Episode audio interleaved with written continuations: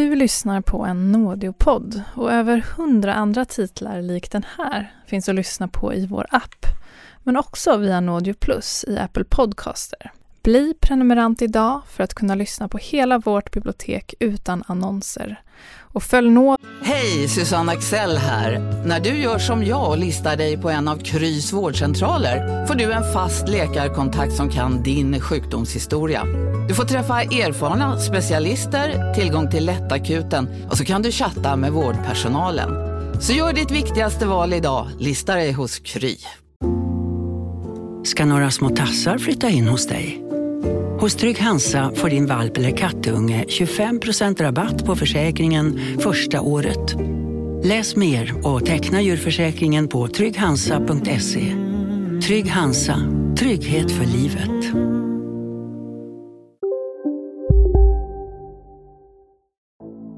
Invånarna i Sundbybergsförorten Hallonbergen befinner sig i chock. Tre mord har inträffat på bara sex veckor. I media lägger man stort fokus på de inblandades eventuella kopplingar till kriminella verksamheter.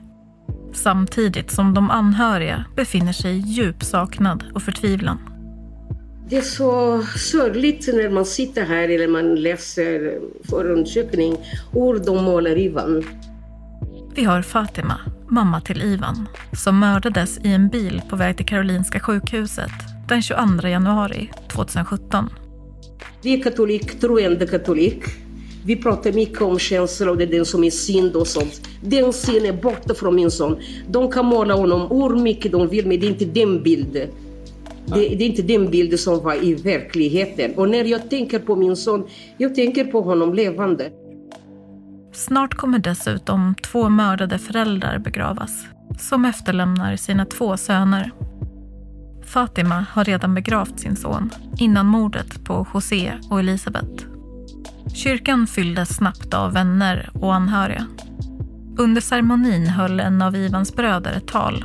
Där bad han de samlade att lära sig något av det som har hänt Ivan.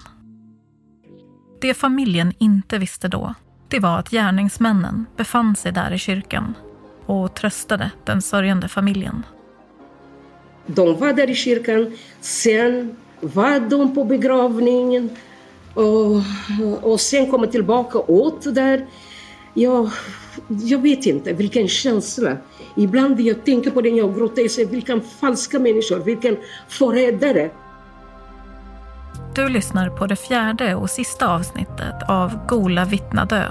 En dokumentärserie om tre uppmärksammade mord i Stockholmsförorten Hallonbergen under vintern 2017. Dokumentären är baserad på boken med samma namn av författaren och journalisten Ann Törnqvist. Vissa namn i dokumentären har bytts ut. Vi vill varna känsliga lyssnare för att den här podden innehåller starka och obehagliga scener.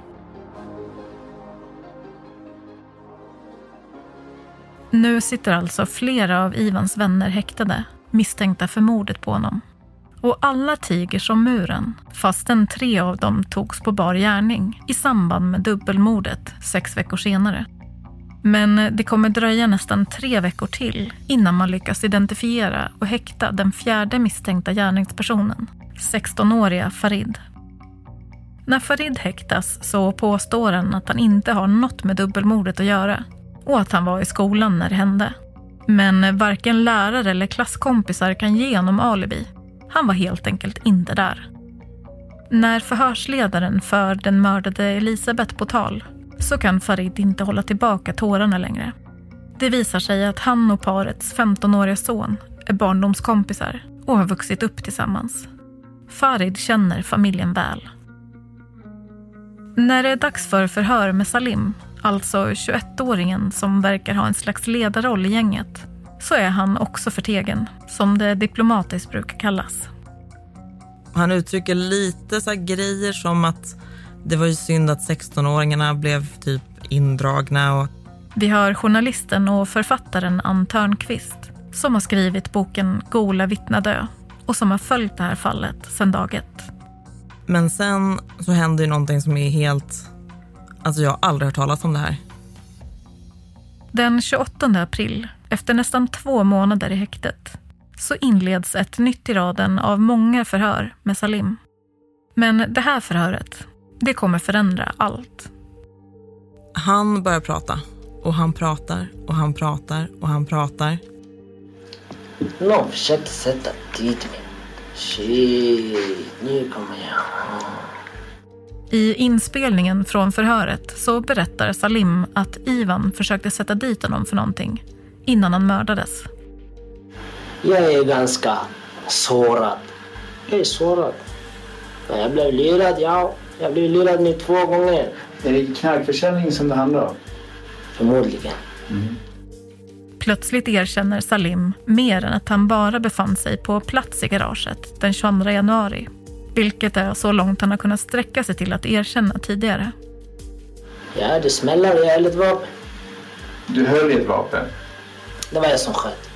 i Rötsjö-garaget. Det var jag som sköt i Lättsjögaraget. Han säger att det kanske var så att det var flera personer som sköt. Men det kan också ha varit han som sköt alla fem skotten. Sen det blir smällar bara. Sen han springer, jag hör ah, han springer. Alltså. Han springer, okej? Sen jag går ut för att se vart han springer.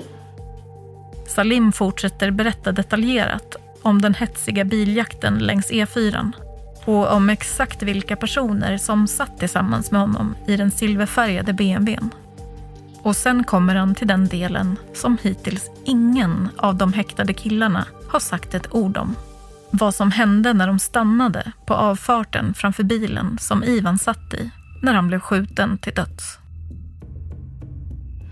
Så någon går ut från bak och går bak till den vita bilen. Jag tror det var där något fruktansvärt hände. Okej. En av oss som sitter där bak gick ut bak och skickade någon till helvetet. Jag förstår. Och vem var det då? Han Som... Eh, skickade någon till helvetet? Här nämner Salim en av sina nära vänners namn, men tillägger sen jag borde ha skjutit. Alltså i min, hjärna det var jag som sköt, men jag borde ha skjutit. Han berättar också var mordvapnet finns och pekar ut på en karta exakt var det slängdes i vattnet inne i stan direkt efter mordet. Dessutom erkänner han till slut att det var han som attackerade Elisabeth några veckor senare med förklaringen att han uppfattade henne som en demon. Han erkänner ju morden. Han erkänner morden. Och han känner att han hade, att han hade rätt. Att det här fick han göra, liksom, att regler har brutits. Han klagar om samhället. Ehm, snart kommer samhället se sanningen.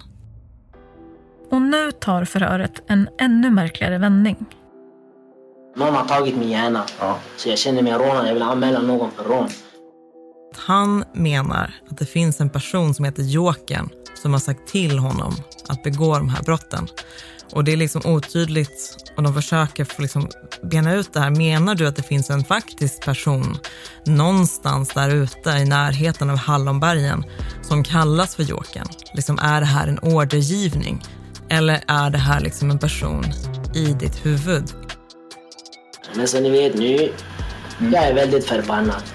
Så jag, vill, om jag ändå ska äta det så vill jag slå någon. Just nu känner jag. Gör inte det? Jo, Nej. Det blir så lugnt då. jag vet, jag vet. Jag ville bara spela på bollkänslor för jag är en skådespelare. Salim fortsätter prata på och kommer in på mordet på José och Elisabeth igen. Och nu erkänner han att det var han som dödade dem, båda två. Han säger att det var roligt, att han är stolt över det han gjorde och att han gjorde det för att José golade ner hans vänner. Men mer detaljer än så om motivet vill han inte gå in på. Han skulle alltså kunna syfta på att José såg killarna efter skjutningen i garaget och berättade för polisen om det.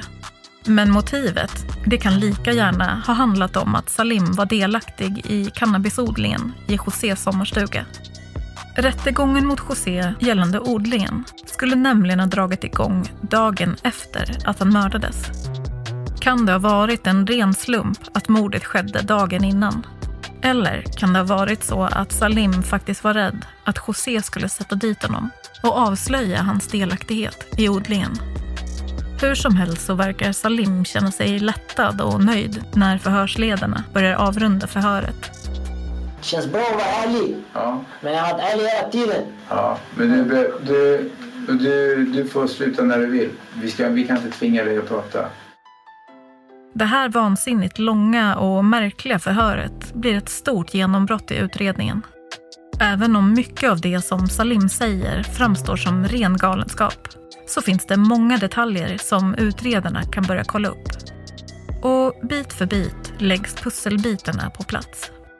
Man hittar faktiskt mordvapnet på precis den plats som Salim pekat ut. Och man hittar också förrådet som både José och senare även Salim berättat om.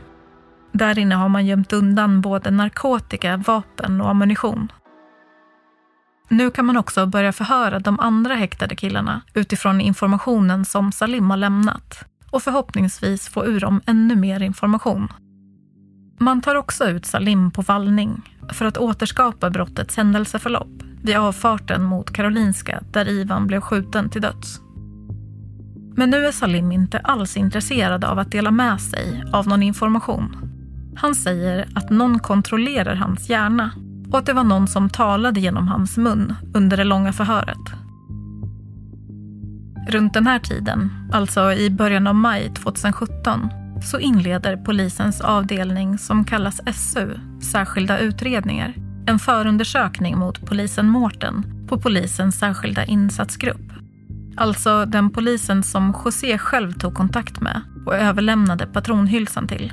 Och som också noterade hur rädd José var för Salim. Utöver faktumet att Mårten inte lämnade över information och bevismaterial till mordutredarna i tid så är han också misstänkt för brott mot tystnadsplikten. Det gäller alltså smsen som han skickade till sin kollega bara några timmar efter dubbelmordet där han namngav José och skrev att José inte hade kunnat citat, hålla käften. Den här interna utredningen mot Mårten pågår parallellt med mordutredningen. Och efter att mordutredningen har pågått under hela våren och sommaren så har åklagarna äntligen tillräckligt med bevisning för att kunna väcka åtal. Den 5 september 2017 är det dags för den första rättegångsdagen i Stockholms tingsrätt. Ja, idag startar ju rättegången mot de åtta unga män i åldrarna 16 till 21 som alltså misstänks för ett mord i Solna och ett dubbelmord i Hallonbergen. Vi hör reporten Matilda Schröder rapportera live utanför tingsrätten för Nyhetsmorgon i TV4.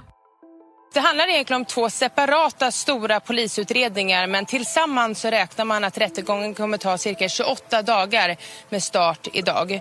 Och man startar med mordet på 25-åringen, alltså det första mordet.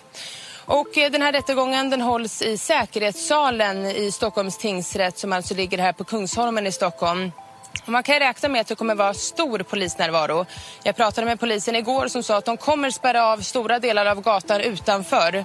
Och de kommer också att ha mycket poliser utanför så att eh, man kan räkna med det. Rättegången den startar klockan 9.30. Du lyssnar på en nådiodokumentär. och så här låter några av våra andra titlar som finns att lyssna på som prenumerant. Via vår app eller Apple Podcaster. En vacker försommardag 1960 hittas tre ungdomar döda vid en vygårdsvacker sjö i södra Finland. Det här är historien om plastikkirurgen Karl-Åke Troilius uppgång och fall. Ormen Friske flydde bombningen vid Helgoland. En bit ut eh, på en strand så hittar han en kropp. Bli prenumerant så kan du lyssna i timmar helt utan reklam. Nu på Storytel. Första delen i en ny spänningsserie. En liten flicka hittas ensam i en lägenhet. Hennes mamma är spårlöst försvunnen. Flickans pappa misstänks för brottet men släpps fri trots att allt tyder på att han är skyldig. Olivia Oldenheim på åklagarkammaren vägrar acceptera det och kommer farligt nära gränsen för vad hon i lagens namn tillåts göra. Lyssna på När allt är över av Charlotte Al-Khalili på Storytel. Välkommen till Maccafé på utvalda McDonalds restauranger med Baristakaffe till rimligt pris. Vad sägs om en latte eller cappuccino för bara 35 kronor? Alltid gjorda av våra utbildade baristor.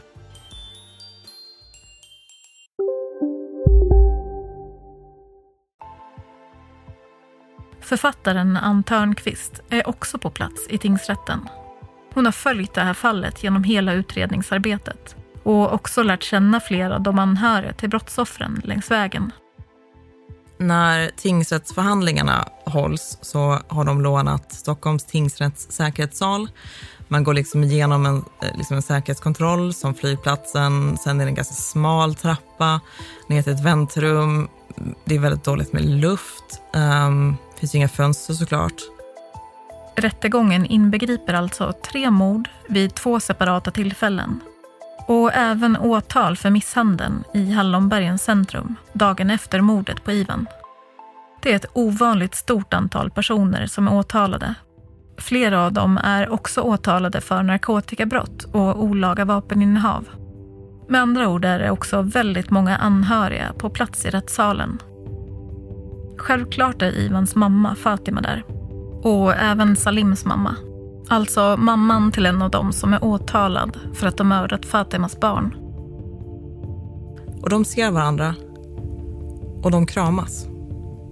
Och Ivans mamma, Fatima, säger till mig efteråt, hon har också förlorat ett barn. Under den här första delen av rättegången så avhandlas mordet på Ivan. Och ganska snart märker man av det som kommer bli ett genomgående tema här. Både hos de åtalade och det stora antalet personer som har kallats att vittna. Tystnaden. Lång tvekan innan varje svar. Eller bara, jag vet inte, jag minns inte.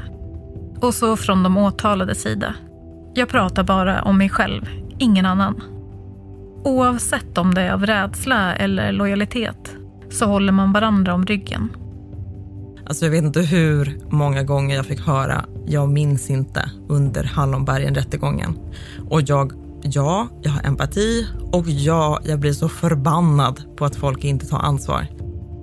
Vid ett tillfälle så blir situationen så frustrerande att ordföranden påminner skarpt att man kan dömas för mened om man avsiktligt lämnar en falsk uppgift eller undanhåller sanningen.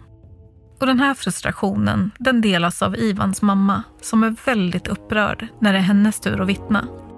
Ingen var där som Alfons Åberg eh, kompisar, osynliga kompisar. Alla var där, men ingen vet någonting. Alla dessa barn, alla de sittande här, jag har sett många gånger med Ivan. Och sen de påstår att de känner inte Ivan, de var inte med Ivan. De var dagligen. Jag fattar inte hur människor ska, kan vara så grymma och göra sådana saker. En del av mig är borta, den glädje jag hade. När det är Salims tur att bli förhörd av åklagaren Oskar Edvardsson så håller han först samma linje som de andra åtalade och nekar till all inblandning. Åklagaren poängterar för Salim att han säger en version i rätten idag men har berättat helt andra saker i tidigare förhör. I synnerhet i det långa förhöret som åklagaren spelar upp delar ur inför rätten. Du använder dem som pjäser och de blir vargar. Känner du igen det? Du skrattar. Mm, jag skrattar för ni skulle inte få den här informationen från mig om inte ni hade min hjärna. Jag vet inte, ni förgiftade mig och tog min hjärna och gjorde så här omvänd psykologimetoder. Efter drygt en månad av tingsrättsförhandlingar och nekanden från Salims sida är det dags att gå vidare till nästa åtalspunkt. Morden på José och Elisabeth. Och här kommer allt ta en ny vändning igen. Åklagaren inleder med att be Salim berätta med egna ord om vad han gjorde den här morgonen. Ah, jag vaknar upp, jag dricker te, ah, jag kollar på film, Dark Knight Rises. Och sen jag går ut. Sen jag går, sen jag går där, jag stöter på någon. Jag säger jag ska visa någonting fräckt idag.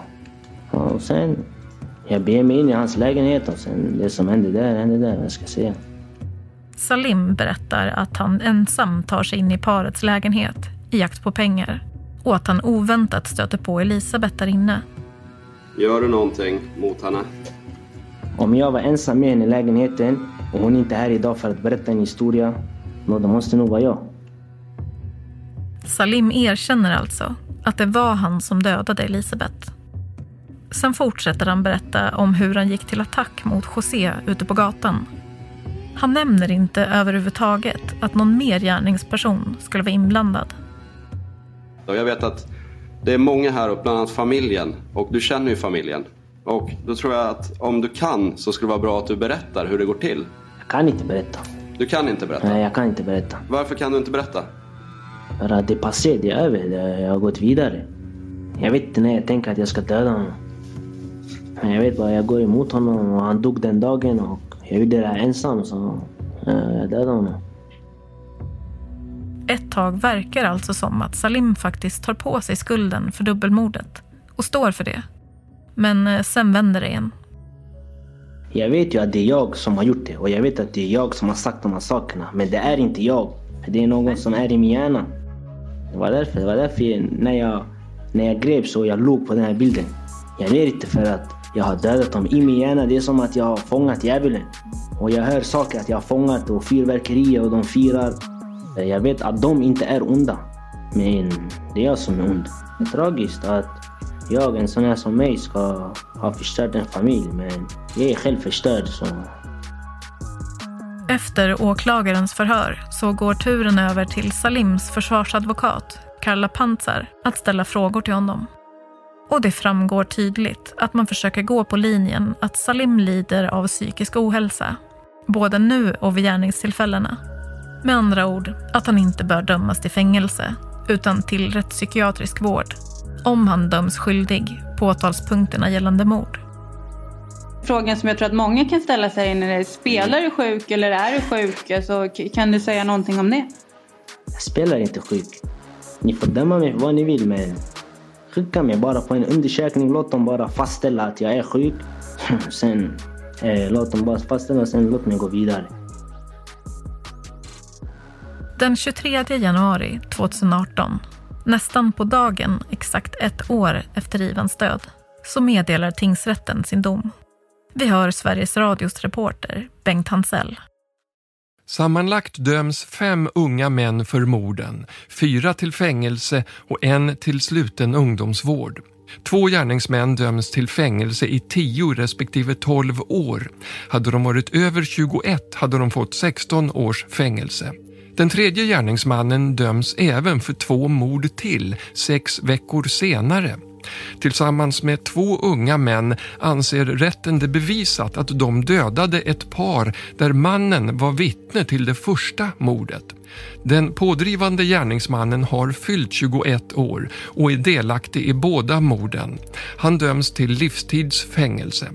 En andra gärningsman får 14 års fängelse, högsta möjliga med tanke på hans ålder enligt domstolen. Och den yngsta gärningsmannen, som var 16 år när det hände, döms till sluten ungdomsvård i tre år. Tingsrätten dömer alltså Salim till livstidsfängelse för alla tre mord.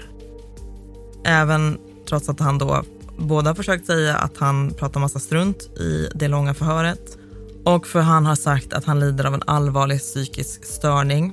Men det som är viktigt är ju så här, dels hade man uppsåt och absolut viktigast då, som egentligen är liksom springande punkten, visste man vad man gjorde när man gjorde det. I det rättspsykiatriska utlåtandet så menar man att Salim var påverkad av en psykisk störning under gärningstillfällena, men som man inte anser var allvarlig och att han överlag inte lider av någon allvarlig psykisk störning nu heller.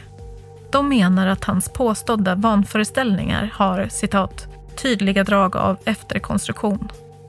Sammantaget är ju alltså pusslet är lagt. I domen beskrivs våldet mot José och Elisabeth som synnerligen bestialiskt. Att Elisabeth stoppades från att fly och att det i Josés fall rörde sig om ett utdraget händelseförlopp. Salim döms dessutom för grovt övergrepp i rättssak. Vilket blir ett kvitto på vad mordet på José faktiskt handlade om. Ett vittnesmord. När det kommer till Farid däremot, den andra 16-åringen som greps långt efter dubbelmordet, så frias han i rätten i brist på bevis att han var där. Alla personer utom en som dömdes skyldiga för inblandning i morden väljer att överklaga till Svea hovrätt. Och när hovrättens dom kommer så väljer man för Salims del att gå på tingsrättens linje. Salims livstidsdom står alltså fast. Och straffet ska avtjänas i fängelse, inte på rättspsyk. För 16-åriga Farids del däremot så blir utfallet ett annat. Tack vare ett nytt oväntat vittnesmål från Assads styvmamma om att hon träffade honom strax innan mordet så blir en viktig saknad pusselbit lagd. Nu döms alltså han också skyldig till mordet på José och ska avtjäna tre år inom sluten ungdomsvård, precis som Assad. Men hur gick det egentligen för polisen Mårten hos polisens särskilda insatsgrupp? Jo, i slutändan så väljer faktiskt chefsåklagaren Martin Thedéen att något oväntat lägga ner förundersökningen med bedömningen att han inte kan styrka att Martin har gjort sig skyldig till brott. Den 10 december 2018 sänder TV4s Kalla fakta ett inslag om mordet på José där man granskar bristerna i vittnesskyddet. Reporten Nicke Nordmark intervjuar Patrik Ungsäter, chef på Stockholms polisområde Nord. Om polisen bedömer att en person är hotad ska det genomföras ett säkerhetssamtal som ska dokumenteras. Men varken vi eller Patrik Ungsäter kan se att det har gjorts. Ja, i efterhand när man ser att det är tre poliser som har haft den här kunskapen och när man slår ihop hela händelsekedjan så skulle man ju naturligtvis ha haft ett säkerhetssamtal om José hade velat det eh, och sen gå vidare i, med alla de åtgärder som hade krävts. Med facit i hand så är det ju ett misslyckande. I inslaget intervjuas också Josés och Elisabeths numera 16-åriga son. Både om sina föräldrar och om tystnadskulturen. Han gjorde någonting som eh, han vågade ju faktiskt berätta. Vad tror du var som gjorde att, att han gjorde det? För mig och min lillebror och min mamma tror jag att han gjorde det för. För att han märkte att säkert hållde på att rasa ihop där vi bodde. Och han ville få stopp på det. För författaren och journalisten Ann Törnqvist del har det omfattande arbetet med det här fallet kommit till ett högt pris. Jag har trott på folks inneboende goda till en grad att det liksom, inser jag nu, blev absurt. Och jag har försatt mig själv i fara på grund av det, kanske till och med folk i min omgivning.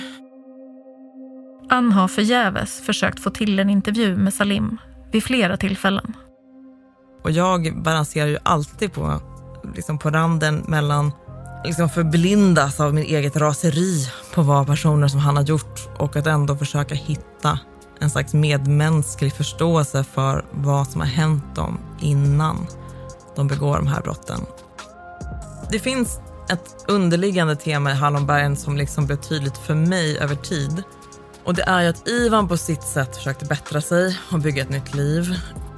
José har gått igenom så mycket lidande men försökte också verkligen vara så bra person han bara kunde. Hans fru blev ju bara indragen av det här. Men det var liksom män som försökte så gott de kunde. Du har lyssnat på Gola vittna dö. En dokumentärserie i fyra delar baserad på boken med samma namn av Ann Törnqvist. Producent och manusförfattare är jag, Amanda Leander. Tekniker Kristoffer Kronander. Exekutiv producent är Tove Friman Leffler. Och det här är en produktion av Podlit för Nådio. Tack för att du lyssnar.